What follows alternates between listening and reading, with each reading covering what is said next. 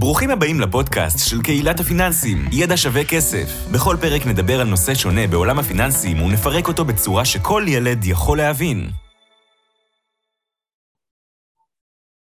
אהלן חברים, ברוכים הבאים לפרק נוסף בפודקאסט שלנו, ידע שווה כסף. אה, והיום יש לנו פרק שהתחיל מקטע מעניין, אה, ואני באמת שאני מנסה לעשות אה, פרק על הנושא הזה כבר תקופה, ופנו אליי בפייסבוק כמה וכמה פעמים, אמרו לי תקשיב אנחנו תושבים ישראלים אבל יש לנו אזרחות אמריקאית מסיבה כזאת או אחרת ו- ויש כל מיני דברים במיסוי שאנחנו לא מכירים ולא יודעים איך להתייחס אליהם ו- ואין מענה באמת. אז הפרק התחיל מזה ואנחנו לקחתי את הדבר הזה ודיברתי פה עם שי שעוד דקה אני אציג אותו ואז לקחנו את הדבר הזה והרכבנו פה פרק שהוא מתעסק במיסוי אבל לא לדאוג אנחנו נשתדל מאוד שזה לא יהיה משעמם. כל מיני נקודות במיסוי שצריך לשים לב אליהם כל מיני טיפים איך להימנע אולי מתאונות מס איך להיערך לדברים בצורה נכונה. אלה דברים ששווים לכם כסף ואנחנו נשתדל מאוד לעשות את זה בצורה מעניינת. אז ערב טוב שי מה שלומך? בסדר גמור אהלן בר מה נשמע? מצוין מצוין. קודם כל תודה רבה שאתה ככה מקדיש לנו מזמנך. אה, מי שלא מכיר, אה, שי אה, מויאל, עורך דין מוסמך גם בישראל וגם בניו יורק, עוסק במיסוי בינלאומי ושותף במשרד פיין, פאן קנה, סליחה, פאן קנה, ושות', אמרתי נכון? אמרת מצוין, פאן קנה. פאן קנה, מצוין. אז, אז קודם כל תודה שבאת ככה מזמנך שי ונותן לנו פה ערך ותוכן ששווה לנו כסף בפודקאסט. אמ, אני, אני ארצה שככה אנחנו נדבר ו- ואמרתי לך גם לפני הפרק ש- שאני רוצה, אני לא רוצה שזה יהיה פרק של נבוא ונראה על אנשים פקודות במס הכנסה אה, לא נעמיס כן... עליהם, לא נעמיס עליהם. כן, כן, אנחנו כן רוצים שיש פה, שיהיה פה תוכן ששווה אה, כסף אבל אנחנו משתדלים לתת פה את הנקודות המעניינות ודברים שאנחנו צריכים לשים לב אליהם ואנחנו, ואני מבטיח שוב בחמש עשר דקות האחרונות אנחנו נקדיש אותם לתושבים ישראלים עם אזרחות אמריקאית שזה מכאן מגיע הפרק ואנחנו כן ניגע בדברים שלהם או שלכם. אז אה, קחו את זה בחשבון חברים. ויאללה שי נראה לי עשינו הקדמה מספיקה. בואו נתחיל. אני, אני כן ארצה ש, שנחלק את הפרק הזה לכמה נקודות. הנקודה הראשונה מבחינתי תהיה אה, נדל"ן בישראל. אלה דבר, איזה דברים אתה מכיר שמהניסיון שלך מה שנקרא אה, משקיעים אוקיי? מזווית של משקיע צריך לשים לב אליו איזה תאונות קורות ואיך אנחנו יכולים להיערך לזה בתור משקיע מאה אחוז, מאה אחוז, שאלה טובה. אז לגבי השקעות בנדל"ן בישראל, שזה תחום פופולרי שהממשלה מנסה ככה לצנן לאורך השנים, לא כל כך מצליחה, אה, יש כמה מסלולי השקעה אה, לגבי אותם אה, משקיעי נדל"ן, אז אני לא יודע אם כולם מכירים, אבל יש לנו מסלול של פטור ממס, אם רכשנו דירה למגורים ואנחנו משכירים אותה בסך של עד 5,000 קצת יותר ש"ח לחודש, 5,200, נכון? 5,196. זה מתעדכן, בדיוק, 5,193, זה מתעדכן כל שנה, אה, צריך לבדוק פעם בשנה, 5,200 אה, לחודש, אנחנו פטורים ממס אה, לגמרי, מדובר בדירה, יכול להיות שזה שתי דירות קטנות שבסך הכל מגיעות ביחד ל-5,200, אבל אנחנו פטורים, פטורים גם מדיווח, לא רק פטורים ממס, אוקיי? זה חשוב להגיד. פטורים נכון. מדיווח, כלומר אנחנו לא צריכים אפילו להגיד למס הכנסה. יפה, אנחנו לא נפגשים עם רשויות המס, מצד שני אנחנו גם לא יכולים לדווח על ההוצאות שלנו. אם ההשקעה הזאת היא השקעה הפסדית, אז אנחנו לא יכולים להיפגש עם ההפסדים האלה כנגד השקעות אחרות. אם אנחנו רוצים לדרוש הפסדים, אנחנו צריכים להגיש אה, דוח מס מלא ולדווח על ההפסדים. אז זה מסלול אחד, מסלול מאוד נוח, מאוד פשוט, האמת יש לו גם הרבה היגיון, בהרבה מקרים אם אנחנו נגיש דוח מס מלא על הכנסה של 5,000 ש"ח לחודש, תלוי מה על דירה ממוצעת, סביר להניח שלא נגיע לחבות מס uh, גבוהה כל כך, uh, בוודאי אם יש לנו הוצאות מימון, אם לקחנו משכנתה כנגד הנכס, אז ההוצאות האלו יקרו לנו, ואני כבר קופץ למסלול הבא. אוקיי, רגע, רגע, שנייה לפני שאתה קופץ, אני רק אגיד, אני אסכם, אה, כרגע אנחנו מקדים את זה בנובמבר 22, אני חושב ששנה הבאה זה אמור לעלות, להתעדכן בגלל המדד, אז אה, כנראה שהתקרה תהיה קצת יותר גבוהה, אבל, אבל חשוב להגיד, אמרנו פה נקודה חשובה שלא משנה אם זו דירה אחת או שתי דירות מעבר, אגב, יכול להיות שזה מעבר לדירה שאנחנו גרים בה, דירה למגורים, אנחנו לא נשלם מס כל עוד אנחנו לא עוברים את התקרה הזאת, נכון? נכון, חשוב לי להדגיש שמדובר בדירה למגורים, לא אה, משרד קטן שאנחנו רכשנו, אוקיי? משרד זה כבר עולם אחר, משרד זה כבר אה, יכול להגיע לפעילות עסקית, אנחנו צריכים לפתוח תיק עוסק וכולי, אנחנו לא, לא מדברים על משרד, הפטור ממס ניתן לדירת מגורים שמשמשת למגורים. או, זה אוקיי? חשוב, יש לי שאלה פה. כן. יש לי שאלה פה, אולי לזה כיוונת, אה, מה עם דירות Airbnb, דבר שהולך וצופה, ותופס תאוצה בזמן האחרון, לא יודע אם Airbnb ספציפית, טווח קצר, בוא נקרא לזה ככה. וואו, זה, זה, זה נושא אה, מעניין, אבל ה, ה, זה לא, לצערנו זה לא ייכנס לנו לפטור ממס. דירת Airbnb היא עקרונית, רשויות המס רואים את זה כעסק לכל דבר ועניין. אתה צריך לפתוח תיק מע"מ, צריך לפתוח תיק, תיק מס הכנסה, אה, ולדווח אה, על ההכנסות האלה כאלה הכנסות מעסק, אבל מצד שני אתה יכול לדרוש את כל ההוצאות שלך, אם זה דמי ייעוץ, אם זה אה, ארנונה אם אתה משלם, פחת, אנחנו יודעים, פחת זה איזושהי הוצאה רעיונית בגין העלות של הנכס, סדר גודל בין 2 ל-4 אחוז מעלות הנכס, תלוי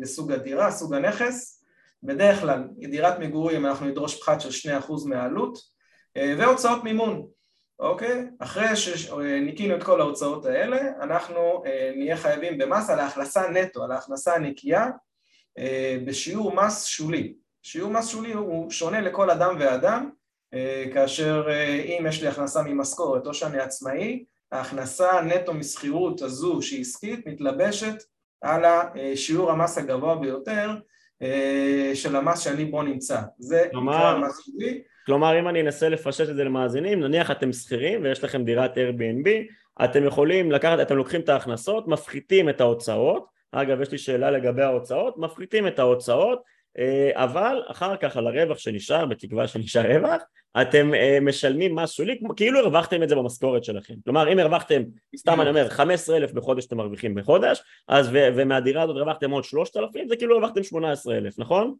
בדיוק, בדיוק. עכשיו, אה, שיעורי המס השולי הם תלויים בכל אדם ואדם וכמה הוא מרוויח באותה שנה. אם חס וחלילה באותה שנה הוא מובטל, או שההכנסות שלו נמוכות, אז הוא מתחיל ממדרגות אה, נמוכות יותר. אוקיי? כי אה, זה, ככה עובד מס שולי. עכשיו, אם הדירה היא בבעלות של אבא או של סבתא או של סבא, אז סביר להניח שרף ההכנסות שלהם נמוך יחסית, או מקצבת זקנה או מפנסיה, אז מדרגות המס שלהם יהיו נמוכות יותר בדרך כלל. וזה פתח okay. אוקיי. לתכנוני מס, אה, נכון. שצריך לעשות אותם בצורה נכונה, וזה חד משמעית הגיוני.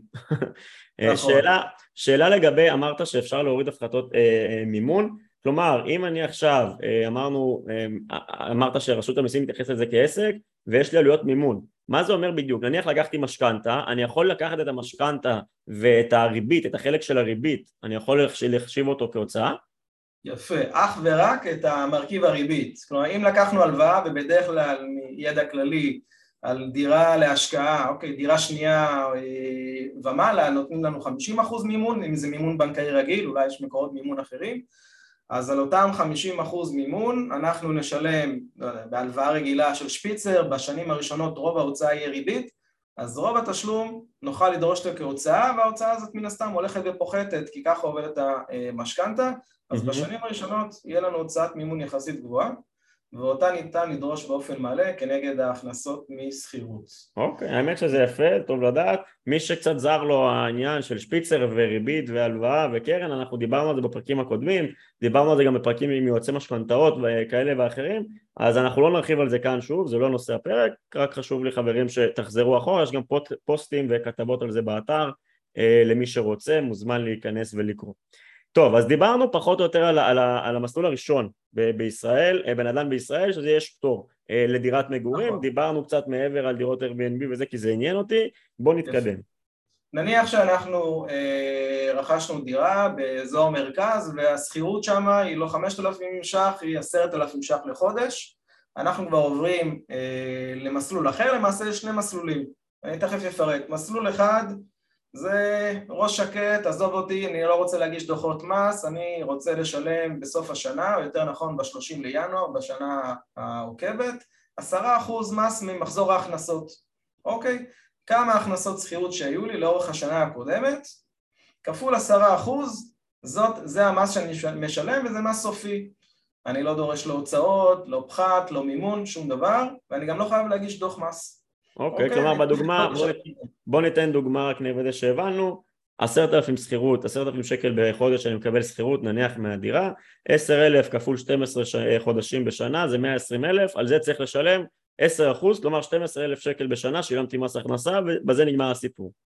בדיוק, בדיוק. זה מסלול שמתאים לאנשים שלא מגישים דוחות מס, אז זה גם חוסך להם את העלויות ואת כאב הראש של להגיש דוח מס, אה, ובישראל בדרך כלל אנחנו נעשה את זה בליווי של יועץ מס או רואה חשבון, זה קצת מורכב להגיש דוחות מס בישראל,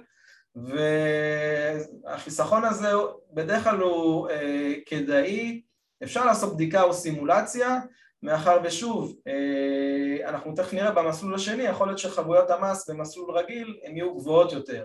אז בבדיקה של החסרונות והיתרונות, ייתכן שהחיסכון בעלויות הדיווח והיועצי המס וכולי, שווה לנו לשלם את אותם עשרה אחוז פלאט בלי לדרוש הוצאות. זה מסלול okay. אוקיי. מאוד מעניין, אה, די מקורי בישראל הייתי אומר. Okay. פחות אוקיי. מקובל בחו"ל. אוקיי, okay, ומה המסלול הבא שיש לנו? המסלול האחרון שיש לנו, אנחנו קוראים לזה המסלול הרגיל.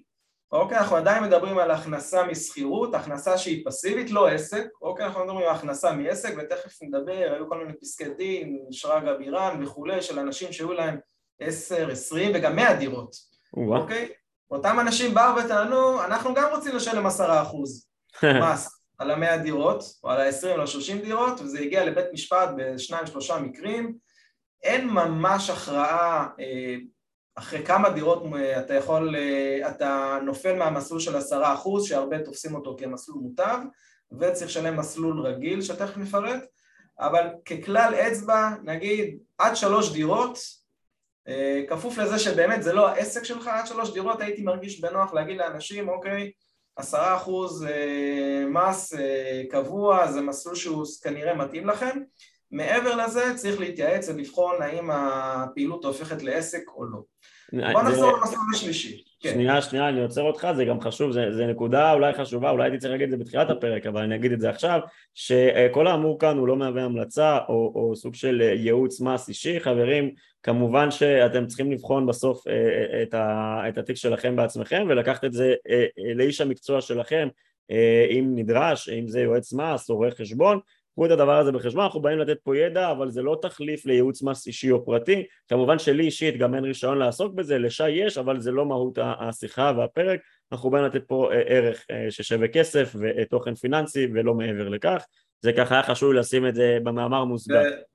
כן, זה מאוד חשוב, חשוב מאוד להתייעץ לפני שמבצעים איזשהו מהלך או לקראת סוף שנה, מאוד מאוד חשוב, כי אנחנו לא מדברים רק על אה, חבויות אזרחיות בינינו לבין משרד האוצר או רשות המיסים, אלא גם, לא עלינו, זה גם יכול להתגלגל לאזורים פליליים אם אני לא מדווח נכון או משמיט הכנסות, שאנחנו לא בעולמות האלה בכלל, אנחנו רק באים ורואים איך הכי נכון והכי יעיל לדווח.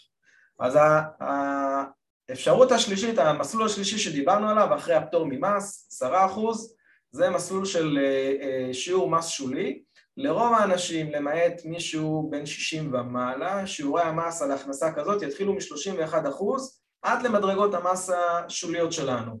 כלומר, גם אם אין לי שום הכנסה אחרת, או שההכנסה שלי מאוד נמוכה ואני, יש לי רק את הדירה הזאת ואני מרוויח 5,000 ש"ח ממשכורת, אני עדיין אתחיל מ-31% מס, אבל על ההכנסה נטו, בדיוק כמו בדוגמה של ה-Airbnb, על עסק, אני יכול לדרוש את כל ההוצאות שהיו לי, כולל פחת, על דירת מגורים אמרנו זה כ-2% מעלות הנכס, אה, כולל הוצאות מימון אם יש לי, אה, והוצאות שוטפות אחרות שיש לי, תיקונים בבית וכולי, לא שדרוגים ושיפוצים גדולים, אבל תיקונים כאלה ואחרים כן מותרים כהוצאה שוטפת.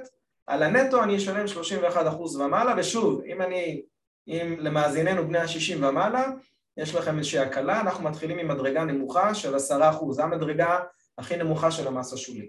אז זה ככה גם איזשהו טיפ, אולי גם או למאזינים מבוגרים או למאזינים שיש להם הורים מבוגרים ויכולים לעשות את זה באיזושהי צורה אה, שוב, כמובן הכל במסגרת החוק, אבל זה משהו שאפשר לעשות ולגיטימי אם אתם מסתדרים בתוך המשפחה, זה משהו שגם אה, צריך לקחת אותו בחשבון. אה, כן, המשפחה צריכה לחשוב, יכול להיות שההורים לא ייתנו את הנכס או את הכסף לילדים כדי לרכוש את הנכס, אולי עדיף שהם יחזיקו את הנכס ויורישו אותו בהמשך. גם, גם אופציה, גם אופציה. אמ, אגב, אז פה אני, אני אתן טיפ אה, ש, שאני מכיר, אה, במיוחד בגלל בשביל הדברים האלה. כמובן, אם אנחנו, אם אתם הולכים למסלול שהוא ככה פטור ממס עד 5,200 אז זה לא רלוונטי, אבל מי שככה יש לו הכנסות קצת יותר גבוהות, זה כנראה יהיה רלוונטי עבורו, אולי יש לו גם יותר הוצאות, אז לשמור את כל הקבלות, את כל החשבוניות שאתם משלמים עליהן. בין אם הזמנתם איש מקצוע או שיפוץ או כל דבר, תשמרו. אני הרואה חשבון שאתה אומר, תקשיב, תביא לי את כל הדברים שיש לך, אני כבר אגיד לך מה רלוונטי ומה לא. נכון. זה רלוונטי לבעל עסק, אבל בעלי עסקים או אנשים שהם עצמאים מבינים את זה ומכירים, אנשים שהם שכירים והם לוקחים את זה בתור משקיע, אולי יש להם דירה או שתיים, לרוב לא מכירים. תשמרו פשוט כל חשבונית וכל הוצאה וכל קבלה שאתם מקבלים, תשמרו, תתייקו, שימו את זה בצד. אה, אתם, יש מצב שתצטרכו את זה להמשך, אולי אפילו למס שבח, שעדיין לא דיברנו על זה, אז, אני, אז זה, זה ככה טיפ שחשוב לי לשים על השולחן. נכון, נכון. רק, רק uh, לחדד לגבי המסלול הרגיל של ה-31% מס או 10% אם אנחנו בני 60 ומעלה, אז זה מחייב הגשת דוח. אני מניח שמי שירצה לעשות את זה, או שהוא מחויב בהגשת דוח ממילא, או שהוא יגיע למסקנה אחרי שהוא חישב את חבות המס שהיא יותר נמוכה מהמסלול של ה-10%, שזה יכול להיות. אם יש הרבה הוצאות מימון או אה, הרבה הוצאות אה, שוטפות, אז אני מניח שהוא ירצה לבחור במסלול הזה, אבל חייבים להגיש אה, דוח אה, מס אה, מלא לגבי זה. אוקיי, okay, זה, זה בגדול הסיכום של מה שנקרא של נדל"ן בישראל, הכנסה פירותית, כלומר הכנסה משכר דירה. נכון, נכון. זה חשוב להגיד, לא דיברנו על מכירה או לא מכירה, אני כן ארצה שניגע בזה כמה מילים, לא ממש לעומק כי אנחנו רוצים להתקדם, אבל, אבל, אבל זה כן חשוב לי לעשות את הסיכום הזה, להבין שיש כאילו סך הכל את המסלולים האלה, דיברנו על אחד, פטור מלא, כרגע התקרה נכון לשנת 2022 היא 5200 כמעט, זה כנראה יעלה ב-2023 אה, ודיברנו על שני מסלולים אחרים, אם עברנו את זה אז או fix אה, של עשרה אחוזים, גם שם יש איזה חישוב כזה שאנחנו לא ניכנס אליו עכשיו, אבל הוא חישוב כזה קצת מוזר, אה, מוזמן לחפש אותו באינטרנט, לא ניכנס לזה עכשיו, זה קצת יותר מדי מספרים בשביל פודקאסט, ודיברנו על מס שולי 31 אחוז, אלא אם כן אנחנו מעל גיל 60, נכון? נכון מאוד, בדיוק. טיפים מיוחדים, דברים קריטיים שאתה מכיר, נתקלת בהם אה, מהניסיון האישי שלך בדברים האלה, תאונות מס שקורות לאנשים? לא נתקלתי בתאונות מס יותר מדי, אבל כן נתקלתי בהרבה מקרים שבהם יש ויכוחים מול רשויות המס שהם טוענים שאנחנו לא זכאים לעשרה אחוז, למה הדירה מפוצלת להרבה, להרבה חדרים אז זה כבר לא הכנסה שמגיעה לעשרה אחוזים, כי עשרה אחוז זה רק להכנסה אה, אה, פסיבית, אז אנחנו אה, באנו והראינו שהחישוב של הכנסה רגילה לפי מס שולי יגיע לחבות מס נמוכה יותר, אוקיי? כי אם אנחנו לוקחים את כל ההוצאות ואת הפחת כפול 31 אחוז, אנחנו לעיתים נגיע לשיעור מס נמוך יותר, ולכן אם יש, שווה להשקיע את האנרגיה הזאת ולהתייעץ, ייתכן שהמסלול של עשרה אחוז הוא אטרקטיבי, פשוט ונוח, אבל הוא לא הכי זול. זה הטיפ אוקיי. שהייתי נותן. Okay. אוקיי. לגבי הפטור, לגבי הפטור כן תשימו לב שהפטור הוא עובד בצורה מוזרה קצת כל שקל מעל התקרה של הפטור, ה-5,200 ש"ח, ש"ח לחודש, הוא לא הכנסה חייבת בלבד אותו שקל, אלא הוא גורע לנו שקל מהתקרה עצמה. כלומר... כן, אנחנו לא, לא ניכנס לשם, לא ניכנס לשם בכוונה. זה החישוב שאמרת שהוא מסובך, אני חושב, כן. כן, כן, זה הכוונה שלי, אני לא רוצה להיכנס לשם בכוונה, כי זה קצת מבלבל, במיוחד בפודקאסט. אנשים אותנו גם שכנראה שומעים אותנו על כפול שתיים, לפחות ככה אני שומע פודקאסטים, אז אה, באמצע נהיגה שאנשים לא יתבלבלו לנו, אז, אז זה בסדר, ומי שרוצה ממש חישובים ופרקטיקה, אני לא יודע אם יש לנו כתבה על זה באתר, אם לא אנחנו אה, יכולים לעשות, אה, אז סבבה, אז קיבלתי את הדבר הזה, אני, אני אגיד שבאופן כללי אם אתם עד התקרה כנראה שזה המסלול הכי משתלם לכם, לא צריך להיכנס לעוד כל מיני מקומות, מעבר לזה צריך להתחיל לחשוב אה, ומעבר לזה כנראה שיש לכם כבר סכומים משמעותיים שכן כנראה שווה להתייעץ עם אנשים, עם אנשי מקצוע. נכון. בוא נדבר, בוא נדבר רגע על, אה, על אה, מס שבח או לא שבח, בקרוב, בוא נגיד מס הוני בנדל"ן נכון. בישראל. מס הוני, עקרונית, מכירה של נכס נדל"ן חייבת במס, הרווח חייב במס של 25 אחוז, אוקיי? אה, שזה ההכנסה נטו, כמה שעלה לי הנכס, בניכוי הפחת שדרשתי, כלומר אם דרשתי פחת באחד מהמסלולים, המסלול הרגיל, אז אני, מענישים אותי, אוקיי? אני, העלות רכישה קטנה, וכמובן כל זה פחות התמורה שקיבלתי במכירה. אם רכשתי את הנכס בחצי מיליון ש"ח, ומכרתי אותו במיליון ש"ח, אני אשלם מס רווח הון על ה-500 אלף, אה, שזה 25 אחוז, אם אנחנו רוצים להיות קצת יותר מדויקים, אנחנו לא נהיה טכני מדי, העלות שלנו, אותם 500 אלף ש"ח, אם דרשנו פחת או היינו יכולים לדרוש פחת, אז uh, מס שבח יפחית לנו את העלות, למשל היינו צריכים לדרוש פחת לאורך השנים של 100 אלף ש"ח, העלות שלנו תהיה 400 אלף, ולכן רווח ההון שלנו גדל, אוקיי? זה גם מסוג הדברים שצריך להתייעץ איתנו מראש כשאנחנו בוחרים את המסלול המתאים. אה, ואז בדוגמה הזאת של 100 אלף פחת שדרשנו, שהיינו צריכים לדרוש, רווח ההון שלנו הוא 600 אלף ולא 500 אלף, אוקיי? כלומר, אם, אם ניקיתי פחת במהלך השכירות, זה בא, באים איתי חשבון במס שבח, בסוף, במחירה. נכון, נכון, לכאורה אם ניקית פחת כנראה שנהנית מהפחתת שיעורי מס שוליים, שזה בין 31 ל-50 אחוז, אבל עכשיו כשאתה רוצה למכור, תחזיר קצת. כמה אתה מחזיר? אתה מחזיר בשיעור מס של 25 אחוז, שזה כמובן אה, אה, יעיל יותר מאשר לשלם בשוטף מס אה, שולי, אבל צריך לבדוק את זה מראש ולהתייעץ. לפעמים, לפעמים אם אפשר לבחור במסלולים שהם ללא פחת, אם זה בכלל ניתן, כן? כי הפסיקה אומרת שגם אם היית יכול לדרוש פחת ולא דרשת, כאילו דרשת. אז צריך לתכנן את זה מראש ולחשוב סוף מעשה במחשבה תחילה, כמו שאומרים. אוקיי, okay, זה, זה נקודה חשובה בעיניי, במיוחד שנדל"ן, אנחנו מדברים על מספרים גבוהים, אז, אז כל אחוז או שתיים לפה או לשם, בפחת או דברים כאלה, יכולים להיות מאוד משמעותיים, מסכומים של מיליונים. אז, אם זו הדירה אז... היחידה שלנו דרך אגב, אם זו הדירה היחידה שלנו, דירת מגורים יחידה, אז כמובן שיש את הפטור המפורסם, אנחנו נהיה אה, פטורים ממס, איזושהי תקרה של ארבעה מיליון ש"ח, אבל אני מאחל לכולנו שנגיע לשם. אה, אז זה, זה החריג היחיד שהוא די, די מפורסם בישראל, פטור בגין דירת אה, מגורים יחידה מזכה. אין בעיה, בואו ניגע רק בנושא הזה של שנה וחצי שאנחנו צריכים לחכות בין הקנייה למכירה, נכון? כן. בשביל לא כן. לשלם מס שבח? נכון מאוד. נכון. זה, זה משהו שפשוט משקיעים עושים, נניח שאני עכשיו ללא דירות, אין לי דירה בבעלותי, אני רוצה לקנות דירה להשקעה, אני שוכר כרגע וקונה דירה שהיא דירה יחידה, מבחינת רשויות המיסים זה לא דירה להשקעה, מבחינתי זו דירה להשקעה, אני קונה, אני משכיר אותה, אה, בינתיים, בוא נגיד ככה, אם אני מוכר אותה בטווח של פחות משנה וחצי, אני צריך כן לשלם מס שבח, אם, אם, אם הרווחתי, נכון? נכון, נכון. מעולה. אז אני פשוט מחכה שנה וחצי בשביל לא לשלם מס שבח, זה משהו שרוב האנשים, אני מניח, שמתעסקים בנדל"ן, אני לפחות מקווה שרוב האנשים של זה מכירים, זה משהו שחשוב לי להגיד. Uh, מעבר לזה יש כל מיני קומבינות עם מס שבח מלפני 2014 או משהו כזה, נכון? אני... נכון, אבל לא נראה לי שנרצה... לא, לא, לא ניכנס uh, לזה. כן. רק אני אומר שאנשים, אם, אם רכשתם דירה מזמן או משהו כזה, קחו בחשבון שמלפני אה, 2014, קחו בחשבון שיש כל מיני פטורים וכו' וכו'. כמה מילים על, על, על עניין של השלישים. כלומר אנשים שאין להם דירה והם קיבלו פחות והם, והם קונים אה, שליש או עד שליש דירה בוא נגיד ככה זה לא נחשב לדירה יחידה, אם תחושה זה מעל 50 אחוז ואם אתה קונה זה מעל שליש. כלומר תאורטית אני אם אין לי דירות, דירה מלאה בבעלותי אני יכול לקנות שליש אה, דירה בכמה פעמים, שליש דירה פה, שליש דירה פה, שליש דירה שם ואני כביכול עדיין נהנה מהפטורים ואין לי דירה יחידה בהחזקתי שימו לב אבל אם יש לכם כבר ואתם קונים עוד שליש זה לא באמת משנה. כלומר אם יש לכם דירה ואתם אז קונים עליה עוד שליש דירה זה עדיין נחשב שיש לכם דירה אז אתם לא זכאים לפטורים מסוימים אנשים לפעמים מבלבלים את הדבר הזה. זה נקודה שככה היה לי חשוב להגיד כי הרבה פעמים אנשים כן שואלים את זה בקבוצה והיה חשוב לי אה, לדבר עליה.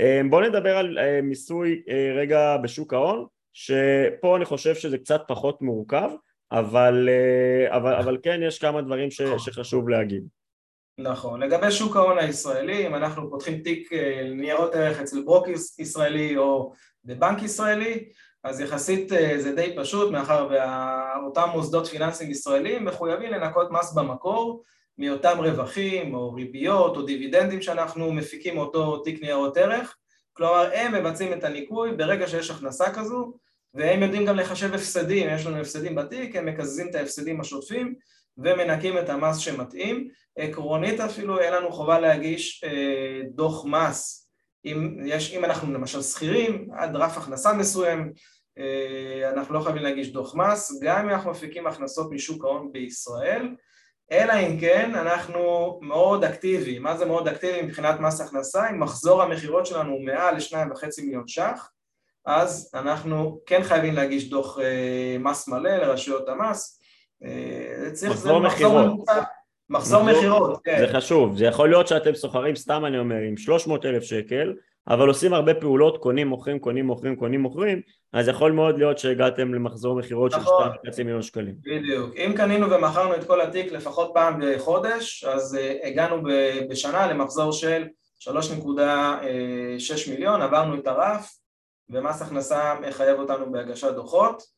מעולה. אה, אז... לא, אני אפתח סוגריים, אה, אותם שיעורי מס שדיברנו עליהם, של 25 אחוז, בין אם זה מנקים לנו מס במקור או בין אם נשלם את זה בדוח המס האישי שלנו, הם נכונים רק למישהו משקיע פסיבי נגיד. אם זה מישהו שזה המקצוע שלו והוא יושב כל היום אה, באינטרנט וזה מה שהוא עושה והוא מומחה בזה וכולי, יש מבחנים מה זה עסק ומה זה פעילות פסיבית, הוא כבר אמור, הוא עלול להגיע לשיעורי מס של עסק ולא מס אה, של רווחי הון, אוקיי? Okay. או אוקיי. מס שוק ההון נקרא לזה, צריך לשים לב לזה, אה, הרבה אנשים לא מכירים, יש הרבה חבר'ה צעירים וזה מבורך, כן? הם לוקחים קורס במסחר, day trading ונכנסים לזה ועלולים למצוא את עצמם יום אחד מול רשויות המס עם איזושהי תקלה. בוא, בוא נגיד שאני מאחל לחבר'ה האלה להרוויח כל כך הרבה כדי שמס הכנסה זה לצערי לרוב זה הפוך, לרוב מפסידים את התיק מאוד מהר, אנחנו מדברים פה הרבה על זה בפודקאסט, אז אני לא ארחיב, אני רק אגיד שאם מישהו בטעות שומע אותנו ולא שמע את הפרקים הקודמים אז תיזהרו ואתם מוזמנים ל- ל- ל- לשמוע מה הדעה שלנו אה, בשוק ההון אה, על, על מסחר מהסוג הזה. אה, זה גם העדויות שאני מקבל, שלרוב אה, יש הפסדים לרוב האנשים, בטח אה, בטווח הבינוני או טווח הארוך כל אחד יחשב מה זה מבחינתו ארוך ובינוני, mm-hmm. אבל אם יש לנו הפסדים מסוג כזה ובאמת היינו day trading, אז אולי, ולצערנו הפסדנו, אוקיי? אנחנו באותו סל עם אותם 90% שמפסידים, אז אה, אולי כן נגיש דוח מס ונדרוש את ההפסדים האלה כנגד משהו שאפשר לקזז אותו, לפחות תחסוך מס. אוקיי, זה משהו שאני ארצה להתעכב איתך עליו, כי יש לי שאלה עליו. אה, קודם כל, מתי אני בתור, נניח אני לא עצמאי, אני שכיר ואני סוחר בבוקר ישראלי, תכף נדבר על בוקר זר, נניח שאני סוחר בבוקר ישראלי, מה, מתי אני כן צריך, אה, ל, ל, בוא נגיד לבוא, או כדאי לי לבוא במגע עם רשויות המס, אה, איך זה עובד? אז שוב, עקרונית, אם אתה סוחר עם ברוקר ישראלי, ואתה, זה לא הפעילות העסקית שלך, כן, אתה אולי swing trader, אתה מעת לעת אה, מוכר או רוכש, ואז עקרונית אתה לא חייב לבוא במגע עם רשויות המס, שוב, אלא אם כן מחזור המכירות שלך עובר נכון להיום זה שניים וחצי מיליון ש"ח בשנה okay. אוקיי. אז אתה תהיה מחויב כן לדווח על, ה, אה, על, כל, ה, על כל הפעילויות שלך, לא רק על פעילות בשוק ההון. אוקיי, אה, ואם כן. יש לי נניח סתם הפסד שנה שעברה ורווח השנה, אני כן יכול לקזז ביניהם. יפה, אם יש לך הפסדים בין שנים, אנחנו כן נמליץ להגיש דוח מס, כי כאן אני לא בטוח שהבנק או הברוקר ידע בכלל, אולי הוא לא יודע בכלל על ההפסד שיש לך, אבל יש לך הפסדי הון ניסית את זה לפני שלוש שנים והפסדת, mm-hmm. אז כן כדאי להגיש דוח מס כדי א', לבסס את ההפסד, כי בלי להגיש דוח מס רשויות המס לא יודעות שיש לך הפסד, mm-hmm. ואז לדרוש אותו.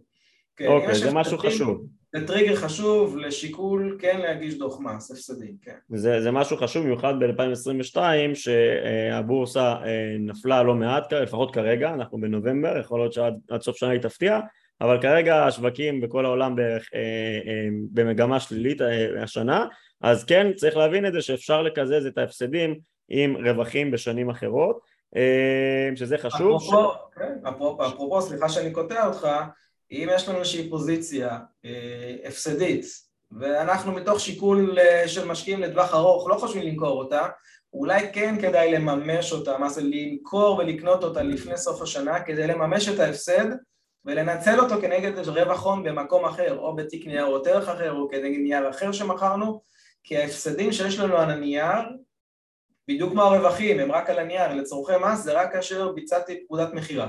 נכון, זה חשוב להגיד, מה שהרבה פעמים עושים בסוף שנה, אם יש לנו פוזיציה מרוויחה פוזיציה מפסידה, אנחנו מקזזים, אוקיי? אנחנו מוכרים את המפסידה, מוכרים את המרוויחה, ואז אם אנחנו רוצים להמשיך להחזיק, אנחנו פשוט קונים מחדש, ואז אנחנו ככה מקזזים. אמ, זה, זה ככה הטכניקה שהיא ידועה. אה, סוגיה דווקא מעניינת אותי לשאול ואני בטוח שעוד אנשים שואלים נניח שיש לי אה, קופת גמל להשקעה או פוליסת חיסכון ששם אני נגיד בהפסד אבל במסחר העצמאי שלי אני ברווח האם אני יכול לקזז אמ, במיסוי בין שני הדברים?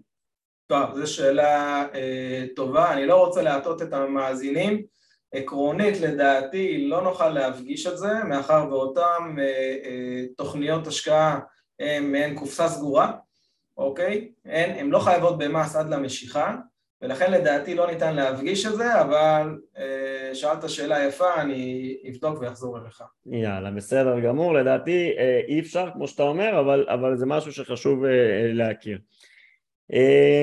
אוקיי, בסדר, דיברנו על מסחר בישראל, בואו שנייה נדבר במילה וחצי על, על ברוקר זר, על מיסוי בברוקר זר, אם אנחנו בתור ישראלים סוחרים דרך ברוקר זר, מה אנחנו אמורים לעשות? יפה. אם אנחנו אה, פותחים תיק אה, ניירות ערך אצל ברוקר זר, אז אנחנו חייבים להבין שגם אם התיק מנוהל בחו"ל, אה, בארצות הברית או בכל מדינה אחרת מחוץ לישראל, אנחנו עדיין חייבים במס בישראל, באותם שיעורי מס של 25% על רווחי הון, דיבידנד וריבית.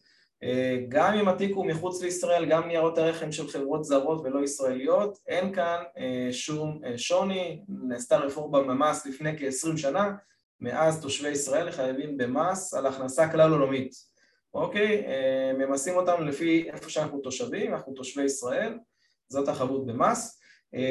בדרך כלל הברוקר הזר לא ינקן לנו מס במקור, בטח לא על רווחי הון, ברוב המקרים, אם זה תיק ניירות אמריקאי אז בוודאי, ולכן כדי לצמצם את הפערים בין חבות המס שיש לנו על תיק ניירות ערך בישראל לבין תיק ניירות ערך בחו"ל, אה, המחוקק קבע במקרים מסוימים, אם אנחנו מחויבים בהגשת דוח, למשל אנחנו עצמאים ויש לנו תיק ניירות ערך כזה בחו"ל, אנחנו מחויבים לדווח לרשות המס פעם בשישה חודשים על התוצאות בתיק, ואם יש רווח, לשלם את אותה מקדמה של 25% בגין אותו רווח. אה, עושים חישוב, החישוב הזה הוא חישוב קצת מיוחד כי צריך לתרגם נכון את שערי החליפין מדולר לשקל. אה, יש דברים שאפשר לנטרל ויש דברים שלא ניתן לנטרל, הדברים האלה הגיעו אפילו לבית משפט, בית משפט עליון, איך מחשבים תיק ניירות ערך בחו"ל. אה, אה, לא, ואז אנחנו מכווצים את הכל, את כל ההכנסות וההפסדים שיש לנו לנטו, אם יש לנו רווח, צריך לשלם, המקדמה הראשונה היא עד ה-31 ליולי בגין השישה חודשים הקודמים והמקדמה הבאה זה ב-31 לינואר בגין יולי עד דצמבר. כלומר לדווח פעמיים בשנה, זה משהו נכון. שהרבה אנשים לא מכירים, לרוב חושבים נכון. פעם בשנה, אז פעמיים בשנה. נכון, חשוב לי להדגיש שהחובה הזאת היא למי שחייב בהגשת דוח מס שנתי, אוקיי? אם אנחנו שכירים ואנחנו לא חייבים בהגשת דוח מס שנתי, אמרתי שאנחנו חייבים במס, איך נעשה את זה? אז גם פה יש איזשהו פתרון של רשות המיסים. אה, זה לא אותו דיווח אה, דו-שנתי, דו-שנתי אמרנו זה למי שמגיש דוחות מס, ניתן לבצע מה שנקרא דיווח מקוצר, אה, השיעורי המס הם אותם שיעורי מס, אבל עלינו לשלם מקדמה עד ה-30 לאפריל על גבי איזשהו שובר או טופס מיוחד ייעודי לזה, ששם אנחנו משלמים את המס. אם אנחנו עושים את הדיווח המקוצר הזה, אנחנו לא מחויבים להגיש דוח מס מלא. אוקיי, אוקיי, בסדר גמור, זה חשוב. אבל החובה לשלם את המס היא, היא קיימת. שוב, זה חובה, זה, שוב אני אומר, זה חובה לשלם מס שיש רווחים, נכון? אם אין רווחים, שוב, אולי אנחנו צריכים לה, להגיד, אבל, אבל זה גם שאלה, יודע מה, בוא נשאל שאלה כזאת, נניח שאני משקיע דרך ברוקר זר ואין לי רווחים, יכול להיות שמימשתי ולא, ולא הרווחתי או שלא מימשתי בכלל, אני עדיין צריך לדווח, אני עדיין צריך להגיד משהו. אם אתה, אם אתה שכיר, שאתה לא מחויב בהגשת אה, דוחות, אז אתה לא חייב לדווח על ההפסדים, אבל הסנקציה היא שלא תוכל לנצל אותם בשנים הבאות. אוקיי, שזה חשוב. אם אנחנו נכון. נרצה לקזז, דיברנו על קיזוזים, אז זה חשוב. כלומר, אם יש לכם הפסדים, כן שווה לדווח עליהם כדי ששנה הבאה תוכלו, בעזרת השם, מקווה שיהיה לכם רווחים, אז, אה, אז מה שנקרא, כן. תוכלו לדווח על ה... ולקזז את ההפסדים והרווחים. לצערנו כנראה השנה הזאת תסתיים בלא מעט הפסדים, אלא אם כן יש בינינו שורטיסטים שתפסו טוב את השוק, אבל נניח שחלקנו הפסדנו לצערנו, אז... אה, אה, ואנחנו לא חייבים בהגשת דוח מס, אני כן ממליץ לשקול בחיוב להגיש דוח מס, כי כשנרוויח בשנת 2023-2024 ונרצה להפגיש את ההפסדים האלה, אוקיי, נרצה להשתמש בהם, לא נוכל לדווח בדוח של שנת 2024, רגע, אילו הפסדים ב-2022, אי אפשר לעשות את זה, צריך להגיש דוח מס ל-2022. זה נקודה חשובה וטיפ מאוד מאוד חשוב שיכול להיות שווה לא מעט כסף, במיוחד אם אנשים הרוויחו הפסידו, סליחה, הרבה כסף השנה, אז בתקווה שתרוויחו שנה הבאה זה חשוב מאוד לדעת לעשות את זה בצורה נכונה, מקווה שאתם שומעים את הפרק הזה בזמן, מה שנקרא, יש זמן לדווח על שנת 2022, אפשר, אנחנו מדווחים למעשה ב-2023, אז זה בסדר, יש זמן, אבל, אבל קחו את זה בחשבון. טוב, אה, אני במקור רציתי לדבר על נדל"ן בחו"ל, אבל נראה לי שאנחנו נשמור את זה אולי לפרק אחר. אני כן אשמח שנדבר רגע על, על כמו שדיברנו מלכתחילה, על אזרחים, אה, תושבים ישראלים שיש, לכם, שיש להם אזרחות אמריקאית. מה, ואני חושב שזה חשוב ומעניין אגב, לא יודע אם לכולם, אבל לכל מי שיכול להיות לו משהו כזה, אני כן אשמח שתיתן כמה נקודות, מה צריך לשים לב ומה הנקודות החשובות, ש, ש, להימנע מטעויות מה שנקרא. קודם כל הנקודה הכי חשובה היא שארצות הברית בניגוד לישראל ורוב המדינות בעולם ממסה את האזרחים שלהם על בסיס אזרחות אוקיי? גם אם אתה לא גר בארצות הברית ואין לך הכנסות בארצות הברית, אתה מחויב להגיש דוחות מס, יש איזשהו מינימום של כמה אלפי דולרים, זה תלוי בגיל אה, וכולי, שאתה לא חייב להגיש דוח, אבל עקרונית כל אזרח אמריקאי, ולא רק כל אזרח, כל מי שמחזיק גרין קארט אמריקאי לפרק זמן יחסית ארוך, מחויב להגיש דוחות מס לאנקל סם, לרשויות המס האמריקאיות בגין ההכנסות או אין הכנסות שלו בשנה הקודמת שוב, יש איזשהו רף מינימלי, לא הייתי משחק עם הרף הזה, אלא בודק אה, ומתייעץ האם אני חייב להגיש דוח מס. אה, זה הטיפ הראשון, הרבה אנשים לא יודעים, אה, יש בינינו אנשים שנולדו להורים שהיו בשליחות לשנה והם נולדו כאזרחים אמריקאים וגרו שם חודש, אוקיי? מגיל אפס עד גיל חודש וחזרו לישראל, או שבכלל הם לא נולדו שם, ההורים הם אמריקאים והם הוציאו אה, פספורט אמריקאי לבן שלהם שנולד בישראל, מותר לזוג או לא לזוג, לאזרח אמריקאי לקבל, להעביר אזרחות אה, לבן שלו או לבת שלו. אה, אז הרבה מאיתנו לא, לא מכירים את זה, יש חובת דיווח כללית גורפת כמעט ללא רף מינימלי למעט כמה אלפי דולרים בודדים אם לא הגענו לרב סטודנטים למשל שאין להם שום הכנסה כנראה שהם לא חייבים להגיש דוח אבל כל מי שיש לו הכנסה מינימלית מעל לכמה אלפי דולרים בשנה, מחויב בהגשת דוח. זה הטיפ הראשון שצריך לדעת. רגע, מה, גם אם אני שכיר, בוא נגיד ככה, אני אזרח אמריקאי, גר בישראל, שכיר מרוויח, לא יודע מה, 12 אלף ברוטו בחודש. אני עדיין צריך להגיש דוח למס הכנסה בארצות הברית? בדיוק, כן. אם אתה אזרח אמריקאי אתה חייב להגיש דוח מס. תראה, סביר להניח, לא סביר להניח, על 12,000 ש"ח אתה לא תהיה חייב במס בארצות הברית, אוקיי? למה? יש אמנת מס, וגם בלי אמנת המס האמריקאים ייתנו לך זיכוי כנגד ההכנסה הישראלית שלך, המס הישראלי ששילמת על ההכנסה הישראלית, וסביר להניח שהמעסיק שלך מנקה מס במקור כדין. אה, בנוסף, יש מה שנקרא נקודות זיכוי בארצות הברית. על הכנסות על, על רף מסוים לא תהיה חבות מס, ובכלל אה, החוק האמריקאי מאפשר הכנסה פטורה, מה שנקרא earned income, למי שהוא שכיר או עצמאי, עד כ-100 אלף דולר פלוס מינוס, שזה הכנסה שלא חייבת במס. עכשיו שוב פעם, גם אם היא הייתה חייבת במס, יש לך מספיק זיכויי מס, אנחנו גרים במדינה שהיא עתירת מיסים, שיעורי המס בישראל הרבה יותר גבוהים מארצות הברית, אז לגבי, אם אנחנו רק מדברים על הסוג הזה של הכנסה ממשכורת, סביר להניח שלא תהיה השלמת uh, מס. אבל okay. מה אוקיי. הבעיה? יש בעיה אחרת, יש חובת דיווח נוספת שנקראת F-bar, שהמחוקק האמריקאי מצפה מאזרחים אמריקאים, זה לא משנה אם גרים בארצות הברית או מחוץ לארצות הברית, לדווח על חשבונות הבנק שלהם שמוחזקים מחוץ לארצות הברית, לדווח עליהם פעם בשנה על דיווח שנקרא F-bar, במידה והיתרה באותה חשבון, או כל החשבונות ביחד עברו עשרת אלפים דולר.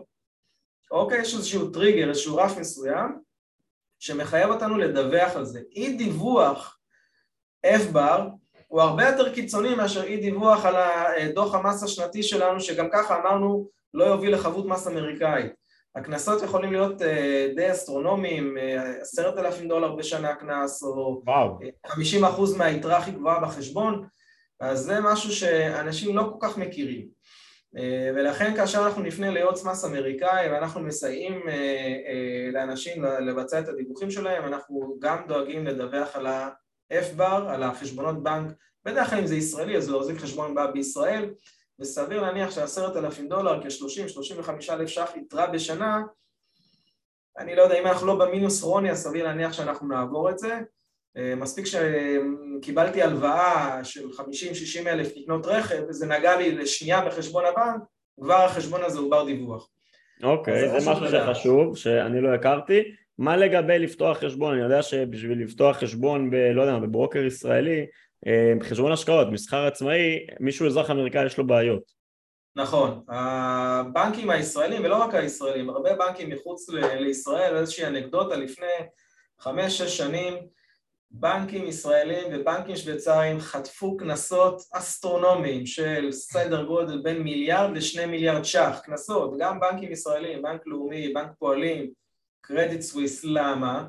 הם אספו אליהם לא מעט אה, בעלי אזרחויות אמריקאים, פתחו להם חשבונות בנק ובעצימת עין אה, אפשרו להם להחזיק את הסכומים ניכרים באותם חשבונות כאשר הם יודעים שהם מעלימים מס מהדוצה, מרשויות המס האמריקאיות האמריקאים נכנסו בזה בכל הכוח, אה, חוקקו חוק שנקרא פתקה לפני כ-10-15 שנה אה, הפתקה הזה זה למעשה אה, חוק אמריקאי, אבל מחייב את כל הבנקים בעולם לדווח על החזקות של אזרחים, אזרחים אמריקאים באותם חשבונות בנק. אוקיי, אז אתה אומר אוקיי, אז לא ידווחו. בנק שלא מדווח, הוא נתקל בסנקציות של כל העברה כספית אליו מכל מקור אמריקאי, ינקו לו משהו 30 אחוז.